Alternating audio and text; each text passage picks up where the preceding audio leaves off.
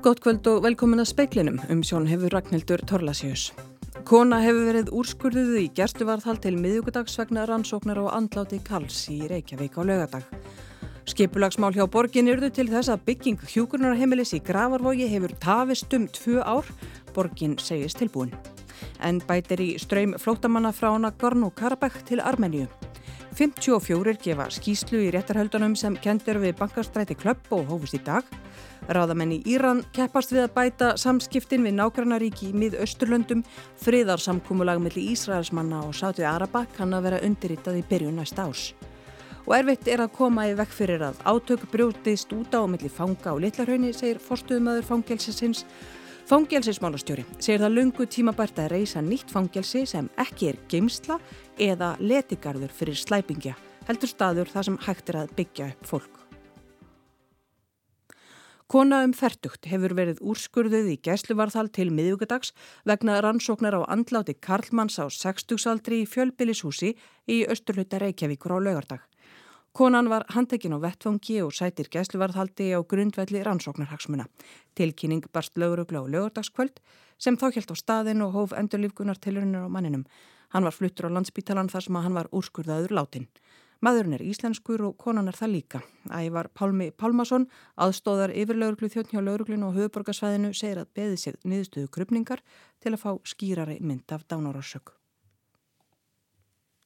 Tvö ári eru leiðin frá því að framkvæmdir við uppbyggingu nýs hjúgrunarheimilis í Gravarvogi átt að hefjast. Borgastjóri Reykjavíkur segir að skipulagsmál hafi valdið töfunum.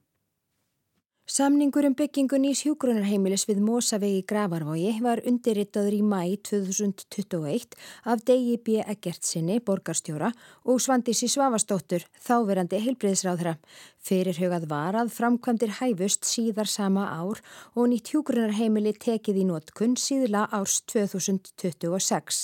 Hjúgrunarheimilið á að hýsa 144 íbúa og kostnaðurinn við framkvæmdina er áalladar 7,7 miljardar með 85% fjárframlægi frá ríkinu á móti 15% frá Reykjavíkuborg. Tveimur árum síðar bólar ekkert á fyrirhugum framkvæmdum og grasflötin þar sem hjúgrunar heimilið á að rýsa stendur enn auð. Dagur segir að tafir hafi orðið á undirbúningi. Það tók tíma að skipulegja en uh, ráðborgarinnar afgreittu skipulegi þar í lok apríl þannig að það er bara allt tilbúið til framkvæmda, uh, allavega borgarinnar hálfu. Næsta skref sé ríkisins. Fréttastofa leitaði viðbræða hjá Viljum Þór Þórsinni, heilbriðisráðra. Í skriflegu svari segir hann að málið hafi strandað á Reykjavíkuborg. Deiliskipulag hafi ekkið farið í auglisingu hjá borginni fyrir enn í vor. Þá hafi vinna við útbóð á hönnun og byggingu ekki geta farið af stað þar sem ríkið hafi ekki fengið lóðinni útlutað. Útlutuninn þurfi að fara fram formlega áður en hægt sé að taka næstu skref. Erla Maria Davísdóttir saði frá. Meira en 6.500 manns hafa flúið frá Nagorno-Karabakh til Armeníu síðan að Azerbaijan náði héræðinu og sitt vald. Fósættisráð þeirra Armeníu segir að armenar í héræðinu standi frammi fyrir þjóðarnis hreinsunum af hálfu Asera og það fjallað nánar um þetta í sjómasfrettum klukkan 7. Tálknafjörðar, Reppur og Vesturbyggð hafa búið til kostningar um saminningu og á næstu vikum hefja sveitarfélagin á Reykjaneskaga samtalum saminningu sveitarfélagana fjögur að þar. Saminning sveitarfélaga hefur lengi verið rætt en ekkert verið ákveðið. Nú verist hins vegar kveða við annan tón. Íbúið Reykjanesbæjar, Grindavíkur, Voga og Suðurnesjabæjar eru samtalsum 30.000 og fer stöðugt fjölgandi. Nú stendur til að taka upp þráðin í saminningaviðræðum og hefur Gunnar Axel Axelsson, bæjarstjóri í Vogum, sendt erindi þar um á hinn sveitarfélagin og til að kanna áhuga þeirra á saminningu. Bóða á til funda á næstu vikum. Gunnar Axel sagði í samtali við fréttastofu að saminning snerist um að skapa sterkar einingu og að vera á undan í þessum við viðræðum þegar til framtíðari litið. Viðbröð frá hinum sveitarfélagunum hafa verið jákvæð. Og fleiri sveitarfélug er á þessum buksunum því samstarfsnefndu saminningu Tálknafjörðarreps og Vesturbyggðar hefur unnið greinargerð um saminningu sveitarfélagana og bóða til kostningar um hana 9. til 20. og 8. oktober. Telur nefndin að saminning er þið mikið framfaraskref og markmiði sé að bæta þjónustu, ebla stjórnsíslu og auka slagkraft til að ná árangri í byggða, atvinn og samkungumálum. Þá hefur hreppsnemnd Árnesrepp samþygt að lýsa yfir vilja til viðræðana við önnur sveitarfélög og jafnframt óskað eftir að fá að fylgjast með umræðum í nágranna sveitarfélögum. Vegna fámennis hafi Árnesreppur ekki haft frumkvæði að viðræðum við önnur sveitarfélög. Jóhanna Viti Sjaldadóttir sæði frá. Einhver umfangsmestu réttarhöld sem að hér hafa verið haldinn hófust í morgunni hérastómi Reykjavíkur í málið sem kent er við bankastræti klöpp. Staðsetningin er óvenjuleg, veislusalurinn Gullhamrar í Gravarvogi sem betur er þekktu fyrir brúðköpsveislur. Sástaður var valin vegna fjölda þeirra sem að gefa skýslu. Það eru 54, auk sagbortningana 25, eru það fórnalömb aðstandandur þeirra starfsfólk bankastræti klöpp, lögreglan og læknar. Dómari setti á tímabundið fjölmiðlabann og heimiltir að greina frá því sem framkemur við skýslutökur fyrir ná fymtudag. Áttasakborðningar gáði skýslu í dag, þinkaldi lög á sjötta tímanum og það heldur áfram klukkan halv tíu í fyrramárið. Oft kemur til átaka melli fanga á Littlarhraunni í miðju fangelsisins. Fórstuðumöður Littlarhrauns segir að með nýri byggingu verði auðveldar að skipta hópnum upp og tryggja öryggi fanga og starfsfólks. Í morgun voru kynnt áform um að byggja nýtt fangelsið við hlið Littlarhauns á næstu árum og rýfa flest húsinn þar. Haldur Valur Pálsson, forstuðumar á Littlarhaunni, segir að með nýju fangelsi verðu auðveldara að halda hópum aðskildum og koma í veg fyrir átök. Í miðju fangelsinu er torg sem er opið öllum föngum. Það getur valdið þeim vandamálum að menn sem að kannski rekast illa saman og við þurfum að tryggja öryggi þeirra begja og annara fanga. Það getur þýtt að það verða áreikstrar og þá er svona torg sem er miðja í, í húsi að, í, í stofnum þar sem allir hittast mjög óæskilu staður. Við þurfum að geta bútað upp meira hópin og, og skipta honum betur upp þannig að menn sé ekki alla daga að, hérna, að glýma við það vandamál að tryggja öryggi hópsins hér úti.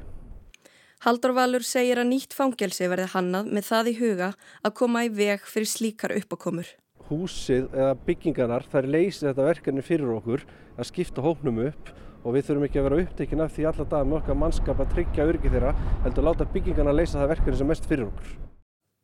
Sagði Haldur Valur Pálsson, valgerðu Þorsteinsdóttir tók saman og það verður nánarfjallaðum litlarhaun síður í speklinum. Ekkert líkur fyrir um ástæður jarðfalsens í Svíþjóð eða hvenar farið verður í endurbyggingu hraðbröytar sem fór í sundur aðfara nátt lögadags. Hraðbreytin E6 fór í sundur við Stegansund norður af Gautaborg svo til mitt á milli Kaupmannahafnar og Oslo. Henni var lokað eftir jarðfallið en þarna fóru að jafnaðum 10.000 bílar á dag. Á meðan hraðbreytin er lokuð fyrir umferði gegnum íbúðakverfi í nágrenninu íbúðum til lítillar gleði. Svíjakonungur og innveðar áttur að svíþjóðar heimsóttu svæðið í dag. Karl Gustaf saði að svíjar getur hrósa happi yfir mörgu meðal annars því hversu öflugar björgunarsveitið þeir ættu og því að slísið hafi orðið fjarrri þéttir í byggð. Det är enormt tur att det inte hände på ett annan plats. Det var ju som sagt inget tättbebyggt områden och sånt där, men det är illa nog. Andreas Karlsson, innveðar á þeirra, segir ekki ekkert að segja til um hvenar brautin verði endurbyggð. Det går inte i nuläget att uttala sig säkert om när Hann segir ekki heldur ljósta svo stöttu hver kostnærin verður en að fyrir hafi verið útlutað og grepið verði til nöysinleira aðgerða. Ástalín Magnúsdóttir sagði frá.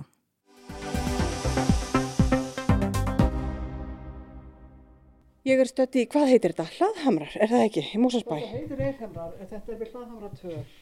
Ég, ég er komin hingað bæði þetta hérna og næsta hús. Og... Speilin kom við í þjónustu íbúðum fyrir aldraða í Mósalsbæ og heitti þar fyrir nokkrar konur sem sátu frammi í hálfgerðri setustofu og voru að púsla og rappa saman.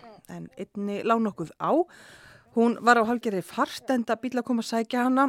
Það er Valdís Ólafstóttir en hún gaf sér þó tíma til að eiga örstuðt spjall við speilin. Ég er hérna af því að það búið að gera könnun á því hvort að fólk sé einmannað ekki, eldra fólk það er ábyggilega, ég finnst við betur að koma svona að hittast heldur kallatir Konurnar þá Konurnar er betur Félags- og vinnumarkaðs ráðunetið fekk félagsvísindastofnun Háskóli Íslands til þess að kanna í sumar líðan eldrafólks af íslenskum og erlendum uppruna. Niðurstöðnar voru að almennt er helsan góð hjá eldrafólki, hátt í 70% segja líkamlega helsa sín sé frekar að það mjög góð. Það hlutfall lækkar með aldri, kannski eðlilega. Þegar að fólk er orðið eldra en 88 ára telur helmingur sig vera við góða helsu. Og andlega helsan, 85% telja sig vera við frekar góða eða mjög góða andlega helsu og það hlutfall hækkar með aldri. Einmannaleiki var sérstaklega skoðaður í þessari könnun og til að byrja með er rétt að gera grein fyrir tveimur hugtökum tilfinningarlegum einmannaleika og félagslegum einmannaleika. Helgi Guðmundsson, sálfræðingur, er verkefnastjóri hjá Félagsvísindastofnun Háskóla Íslands. Ég held að við vitum alltaf hver að vera einmanna en rannsæktur eru nokkuð saman um það að, að einmannleiki er ekki bara ein hugsmið, þetta er ekki bara eitt atrið þannig að þú ert annars með, með félagslegan einmannleika, það er bara tengslaniti, það er, þú veist, ég meina, átt einhverja vini, ert með einhvern vinhópi kringu, ert að hitta samstagsfélaga en svo erum við með tilfinningluður einmannleiki, það er það er einu bara þessi nánu samband, eiga að gæða samband með einhverjum, eiga besta vin, eiga rosa gott samband við móður eða föður eða gott samband við maka. Saði Helgi en gefum Valdísi orðið og ný. Hún var að tala um það á þann að karlarnir hefðu sig minna í frammi á félagslega sviðinu. Þeir sitta bara inni, far ekki í neitt. Við erum ekki handafinn og það er spila hérna á fyrstutöfum og, og hitt og þetta. Ja. Og við höfum botsja hérna eins og viku. Það er bara hvað viltu? Og hvað gefur þið í? Heldur að margir séu einmanna? Ég er aldrei hættu það mm. að sé fólk hefur mismunandi þarfir auðvitað. Sumi vilja vera einir og, og sumi vilja ekki vera einir og, og getur ekki bara aukið félagslegt net fólks og þá mingar einmannleikin. Það er ekki svo einfalt að það er þessi gæðatengsl sem að er að skipta máli. En það er samt munur á því að vera að umgangast fólk eða eiga í persónlegum tengslum, nánum tengslum. Þegar maður þarf margir í þeirri stöðu að makin er fallin frá, það er svolítið öðruvísir ekki. Ég veit það, það er alltaf öðruvísi, ég er búið að vera makalus lengi, einum á. Já, en þetta er bara svona, þú bara verður bara að drífa þig upp og gera einhvað, mm. ekki setjast á raskatum og horfa út í loftið. Hvernig líður fólki á Íslandi? Er það mjög einmanna? Það er einmannleiki. Við erum mjög gagg frá 2016 og þá hafa uh, svona 45% sast vera ofta einmanna en, en við erum komið samt mjög vel út í samanbyrðu við Evrópu þjóðir þannig að við erum bara hvað lagst í rauninni. Það er, þú veist, Dammurk held ég hafi alltaf verið þannig eftir fæstir þar sko. En við erum bara eins og nákvæmna þjóður okkar Norðurlöndin og, og Vestur-Evrópa. Hverjir eru það sem að eru einmanna? Það eru nú kannski, kemur ekkert beint óvart það eru enginn gemmisindi þar. Það eru þeir sem eru búin að missa makar rosalega einmannleiki fyrst eftir að hafa mist maka. Og skiljaðlega tilfinningarlegur einmannleiki náttúrulega alveg bara fer upp þar og ég meina fólk sem byrja eitt um, minna mentaðir, konur og, og vissulega uh, innflytendur. Þar voru sömur sem að söðust, það voru fleiri sem að söðust finna fyrir gríðvarlegum einmannleika. Já, einmitt. Það var hæra hlutfall, að með minni tvöfall hlutfall þeirra sem söðust fyrir, finna fyrir gríðarlegum einmannleika meðal innflytenda á móti þeirra sem voru af íslenskum uppruna Skoðum tölfræðin aðeins. Um 40% eldra fólks segist ekki vera einmanna. 6% segist vera gífurlega einmanna. Það er algengara að fleiri upplifi tilfinningarlegan einmannaleika, það er sakni náina samskipta við fólk. Einflýtjendur verðast vera meira einmanna en fólk af íslenskum uppröna, sérstaklega vantar þá félagslegu samskiptin, tengslanetið. Svo verðist fólk vera í minna sambandi en áður, ringist minna á, lítur sjálfnar við. Þetta hefur breyst svolítið mikið við erum eitthvað frá 99 hér og ég ætla nú kannski ekki alveg að sláða á förstu hvernig sambandi fólk er í en, en maður sér ími samskipti fara niður. Það eru minni heimsóknir, minni símtöl en interneti eikst en sínast með eldst aldurshópin sem kannski kann ekki alveg nóg vel að hafa samskipti gegn internetið. Já, maður hefur svolítið tilfinninguna sem minni samskipti. Einu sem var fólk svolítið að kiki í kvöldkaffi. Já, ég held að kvöldkaffi sé búið. Ja, ég, ég veit ekki En það kom Helga Guðmundsinni, verkefnastjóra á félagsvísindastofnun á óvart hver félagslega virt eldra fólki er samkvæmt konuninni. Til að mynda er um 80% þessi einhvers konar reglubundinni reyfingu og rétt undir 20% um er í kór, virki í trúfélagi eða góðgerðastarfi svo að dæmi séu nefnd. Og það gildir einmitt um valdísi. Hún er félagslega virk, jafnvel svo að öðrum þykir nóg um. Þú hefur mikið fyrir stafni, heyri ég. Já. Allt og mikið maður verður að gera það annars bara grotna maður niður. Ég fer út og reyfi mig. Því ef ég reyfi mikið þá bara, þá bara er ég först eins og þær. Saði Valdís Ólafsdóttir 87 ára íbúi á Eirhamrum í Mósarsbæ og nikkaði til stallsistra sinna og þar með var hún rókin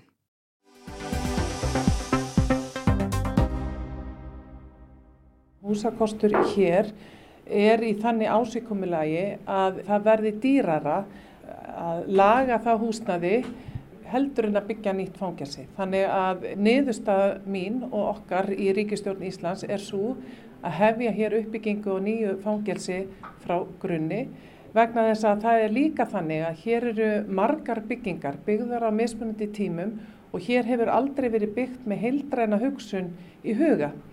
Nú erum við að hefja uppbyggingu sem að mun miða af svona heildræni nálgun hvernig viljum við hafa þetta. Það verða einhver hús hér rifin, það er alveg ljóst.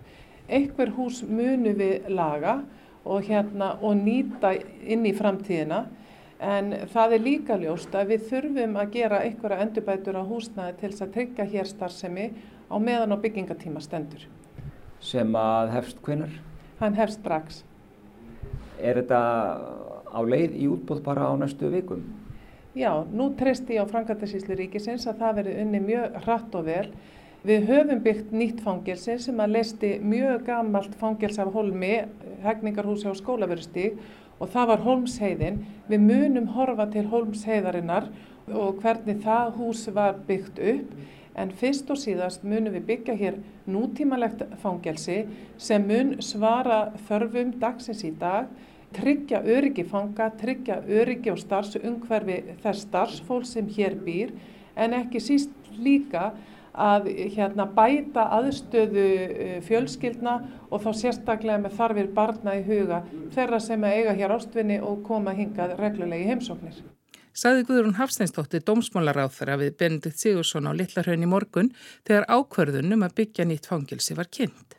Það segir kannski sína sögum ástand húsa á Littlarhaunni að í fyrra var ákveð að verja 2 miljardum króna í viðgerðir. Nánari skoðun síndi svo að tali væri hendur að byggja nýtt fyrir 7 miljardar. Pál Vingel, fangilsmálastjóri, segir lengi hafa blasa við að það þyrti að byggja nýtt fangelsi sem verð ekki letigarður fyrir slæpingja, ekki geimsla, heldur uppbyggilu staður þaðan sem fólk getur snúið aftur í samfélagið sem gildir samfélagstegnar þegar hefur gert upp sína skuld. Fangelsi á Littlarhaunni hefur starfað í næri 100 ár frá 1929. Það var ekki byggt sem fangilsi, þetta var að frungvað, þetta húsnaði var byggt að frungvaði kvennfélags sem að eh, fór út í fjármögnun til þess að byggja og reka húsnaði vissulega en það átt að vera sjúgrás. Nú það fór hins vegar ekki betur en svo að, að þeim tókst að fjármagna bygginguna en ekki reksturinn þannig að, að það var brúðið á það ráð að, að selja ríkinu þessa, þessa fastegn og ríkið með einu, einu pennastriki breytti þessu úr rekstri sjúgrás yfir í fangelsi án þess þó að, nokkur hugmyndafræði væri þar að baki. Eh, nema kannski þessari nótu sem fylgdi með ákvörðinni það sem tekið fram að þarna skildi reyka letigarð fyrir slæpingja. Það var nú öll hugmyndafræðin sem var til staðar.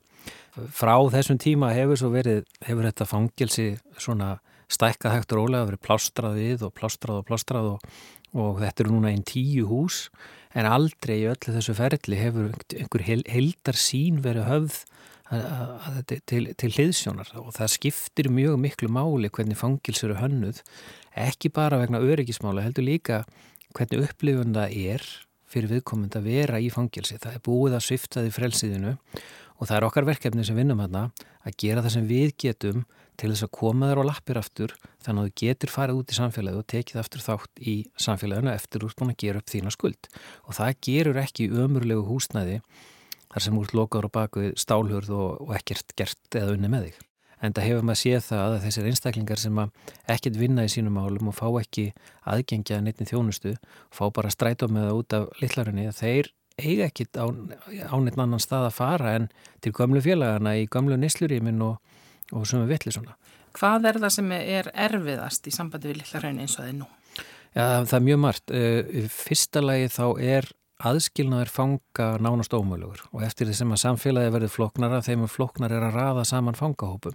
Og það við heyrum hér um fjöllunu í, í fjölumölum um, um gengja myndanir og svo framvis við þurfum að geta skilið fanga að. Við getum það ekki með fullnægæta hætti á litlarinni og það er öryggisókn Í öðru lagi þá er fangilsið þannig hannað eða ekki hannað að ef það koma fíknæðin inn í fangilsið þá dreifastu á örfa og mínútum út um allt vegna þess að það er allir í sömu útivist, það er sama planið, það, þeir þurfa að sækja sömu þjónustunni í þottahús, verslun og svo framvegis. Þannig að húsi leysir engin vandamál fyrir okkur. Er alltaf, þessi er alltaf örvísi farið á holmsið. Ef það koma fíknefni þar inn, þá koma henni inn á okkur tiltekna deild og við getum afmarkað það og unnið á því og, og leist vandamáli. Þetta tvent skiptir miklu máli en svo er það þriðjatrið sem kannski gleimist og það er að vinnu aðstæða starfsfólks á litlarunni er vægast sagt léleg. Hún er alveg ótrúlega léleg og það hefur mikil áhrif, það skiptir okkur mjög miklu máli að hafa góðan mannuð og þú verður að hafa mannsæmandi aðstæður í, á vinnustafnum til þess að fólk sem er upplugt og getur farið í önnustörf fari bara ekki annað og það er áhugjefni þannig að þetta skiptir máli á svo marganátt. Og þessi heimur í fangilsunni hefur verstnað undan farin ár? Ástandið á litlarunni núna eh, er verra heldur en það var fyrir til að mynda 10 árum eða, eða 20 árum Við erum sem betur fyrir að, þróa fullnustu refsinga þannig að stór hluti hópsins eh, kemur ekki fangilslengur fyrir samfélagsstjónustu og endar ekki á litlarunni þannig að en, en fyrir viki þá eru kannski verst, þeir einstaklingar sem eru á litlarunni, þeir eru meiri fík, sumir hverjir hættulegri heldur en gengur að gerist þannig að það er okkar verkefni að koma þessu fólki tilbaka. Hvernig verður það hægt að byrja? Eh, góð spurning. Reynslan segir mér að okkur að það tækir svona um það byl ára að hanna þetta. Það, það skiptir mestumáli að hönnunum verði í lægi. Síðan tækir það 2-3 ára að byggja. En okkur liggur á og við höfum í mínum huga ekki tíma til þess að fara út í einhverjar eh, margar ferðir af samkjöfnum og svo framvegist. Það þarf bara að vinna þetta vel og öruglega og við vitum hver þekkingin er, er til staðar. Við myndum giska á svona fjögur ár, þá er þetta tilbúið. En hvar á að byggja? Á byggja á hluta, hluta til á, á samanstæðu og litlarhraun sjálft er þetta bara á sama reitnum og svo eru lítið til hlýðar. Og þá að finna nýju fangelsi nýtt nafn, af hverju?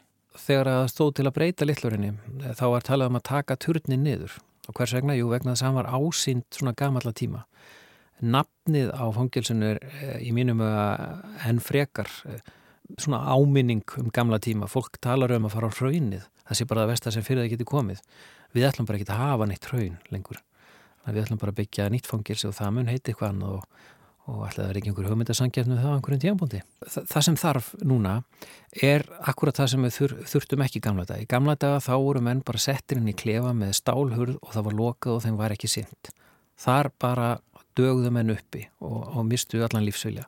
Við viljum ekki gera það, við viljum taka á móti fólki, láta það taka út sín refsingu en um leið byggja það upp með aðstóð sérfræðinga þannig að fólk sem hefur farið að beinubröðinni geti komist á fætur aftur og farið þessa stígskiptu afplánun sem við erum búin að setja upp, þar að segja lokað fangilsi, opið fangilsi, áfangaheimili og rafrænt eftirlit og komið svo út í samfélagið þannig að þið geti tekið þátt í samfélagun og verið eh, góður og, og, og, og gildir samfélagstegnar. Það er okkar verkefni að fólk komist út úr þessu, þessu afbróta minstri sem að þetta fólk er í. Og hvað þýðir það svona beinlinis fyrir uh, húsnæðið?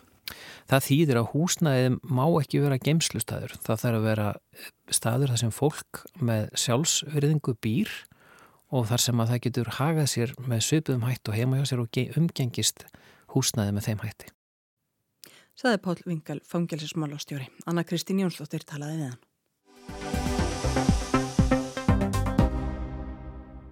Það þótti stórtíðundum sætægi vor þegar frettir bárust af því að Sáti Arabar og Íranar hefðu ákveðið að opna sendiráð og ræðismanns skrifstofur á ný. Sátar slitu stjórnmálasambandi við Írana eftir að íranskir mótmælendur gerðu árás að sendiráðið í Teheran og ræðismanns skrifstofu í borginni Mashad árið 2016. Mótmælinn brutust út þegar vinsall sítaklerkur Nýmr al-Nýmr var tekin af lífi. Þjóðurnar hafðu lengi eldað grátt silfur saman. Íranar eru fórist þjóði í heimi síta muslima og sátar í heimi sunnita. Nokkur ríki fóru að dæmi sáta og slitu stjórnmálasambandi við Íran vegna aftökunar. Þeirra á meðal voru Djibouti, Sútan og Maldífur. Sættir tókust fyrir tilstælli kýmverja. Aðal samningamadur þeirra sagði þegar niðurstaðan á fyrir að hún var í sigur fyrir frið í heiminum. Frá því að þetta gerðist hafa Íranar bætt samskipti sín við nokkrar þjóðir í miðausturlöndum. Þegar Hossein Amir Abdullahian utan ríkisráð þeirra sótti allserrar þing saminuðu þjóðana í síðustu viku, hittan hinn djibútíska starfsbróður sinn Muhammed Ali Yusuf. Þeir urðu ásáttir um að taka upp stjórnmálasamband að nýju. Degi síðar hitt hann Ahmed Khalid eh, utanrikisráð þar að Maldífa. Þeir urðu einnig ásáttir um að taka upp diplomatisk samskipti að nýju. Amir Abdullahian let ekki þarfið sitja, heldur náðan einnig fundi með Yasim Mohamed Al-Budaifi, framkvæmdastjóra samstarfsráð Araparíkjana við Persaflóa, um bætt samskipti. En bólar ekkert á samkúmulagi millir Íran á Egipta. Á ýmsu hefur gengið í samskiptum þjóðana frá árinu 1979 þegar sítar steftu Mohamed Reza Pahlavi keisara á stóli og tóku völdin. Anvar Sadat fórseti skaut skjólshúsi yfir keisaran fallna. Hann bjó í Kæró þar til hann lést ári síðar. Þá var það íraunskum ráðamönnum þyrnir í augum að Egiptar skildu á sínum tíma viðurkenna tilvist Ísraels ríkis. Dreifingar um bætt samskipti hafa staðið yfir síðastleginn tvö ár fyrir milligöngu samningamanna frá Írak og Óman. Að sögn fréttaskýrenda er það mat þeirra að möguleikarnir á samkúmulagi hafi aukist eftir að Abdel Fattah al-Sisi varð fórseti í Egiptalandi. Ebrahim Raisi, fórseti Írans, sagði á fundi með fréttamannum í New York í síðustu viku að hann sægi ekkert því til fyrirstöðu að koma á sambandi við Egiptaða nýju. Hann sagði þar að Íranar varu reyðubúnir að rétta fram sáttarhönd til allra þjóða, íslamskra sem annara, sem varu reyðubúnar að eiga við þá samstarf. Hann sagði að tíðinda værið að vænta um bætt samskipti áður en langt um líður. Að sagn frettavefjar arabísku sjónvarpstöðverðinar Al Jazeera hafa Íranar og Jórdanar rættað undan förnum aukið samstarf. Fáttbendir til að þær hafi skílað árangri til þessa. Afstæða ráðamanna í Teheran til Ísraels og Sýrlands er talinn vera höfuð ástæða þess að lítið þokast í samkúmulags átt. Íranar hafa einni leitað eftir bættum samskiptum við Sútan og Marokko. Fjölmiðlar hafa eftir Amir Abdullahian utan ríkisráþara að formleg tengsl kunni að verða endur nýjuð. Engar vísbendingar eru um að Íranar og Ísraelsmenn séu að leita leiða til að ná saman um nokkur skapaðan hlut í miðausturlöndum. Það verðast sáti Arabar aftur á móti verið að gera ef markam á orðu Muhammads bin Salmans, krónprins og hins raunverulega stjórnanda ríkisins í viðtali við Fox sjónvarps fréttastöðina bandarísku í síðustu viku. Every day we get closer. It seems it's for the first time uh, real one, serious. We gotta see how it goes. Við nálgumst samkómulega með hverjum deginum sem líður, saði krónprinsinn. Við verðum að býða og sjá hvert við náum. Hann bætti við að málefni palestinsku þjóðarinnar skipti sáta miklu máli. Botn yrði að fást í þau. Uh, for us, the Palestinian issue is very important. We need to solve that part. Viðtal Fox við Bin Salman var sendt út skömmu eftir að Joe Biden, bandaríkja fórseti og Benjamin Netanyahu, fórsætisráþara Ísraels, hittust í New York þar sem báður voru stattir vegna allsherjarþings saminuðu þjóðana. Þeir rættu meðal annars möguleikana á að sátar semdu um frið og tæki upp stjórnmálasamband við Ísraels menn. Bandaríkja stjórn á í nánu samstarfi við báðar þjóðir. Eli Cohen, utanrikis ráþara Ísraels, sagði daginn eftir í viðtalið við útvarp Ísraelska hersins að samkómala kynni að líka fyrir í byrjun næsta árs. Það er hægt að brúa bílið, sagði ráþaran. Það tekur tíma en málinn eru að þokast í rétta átt. Ásker Tómasson sagði frá. Í spekli kvöldsinn sögðum við meðal annars frá því að kona hefur verið úrskurðið í gæsluvarðhald til miðugudags vegna rannsóknar á andláti Karls í Reykjavík á lögardag og skipulagsmál hjá borgin eruðu til þess að byggingu hjógrunarheimilis í Grafavogi að byggingin hefur tafist í um tvu ár en borgin segist tilbúin. Veður horfur til miðnættis annað kvöld, norðaustanátt, all kvöss en kvöss norðvestan til og enn kvassari á morgun, allvíða rigning en bjart suðvestan til í dag, hiti breyti slítið. Fleira var ekki í speklunum í kvöld, hægt er að hlusta á speilin í spilararúf, á rúf appinu og öllum helstu laðarpsveitum Tæknimaður var Mark Eldred, Annalísa Hermannsdóttir stjórnaði frétta útsendingu. Veriði sæl.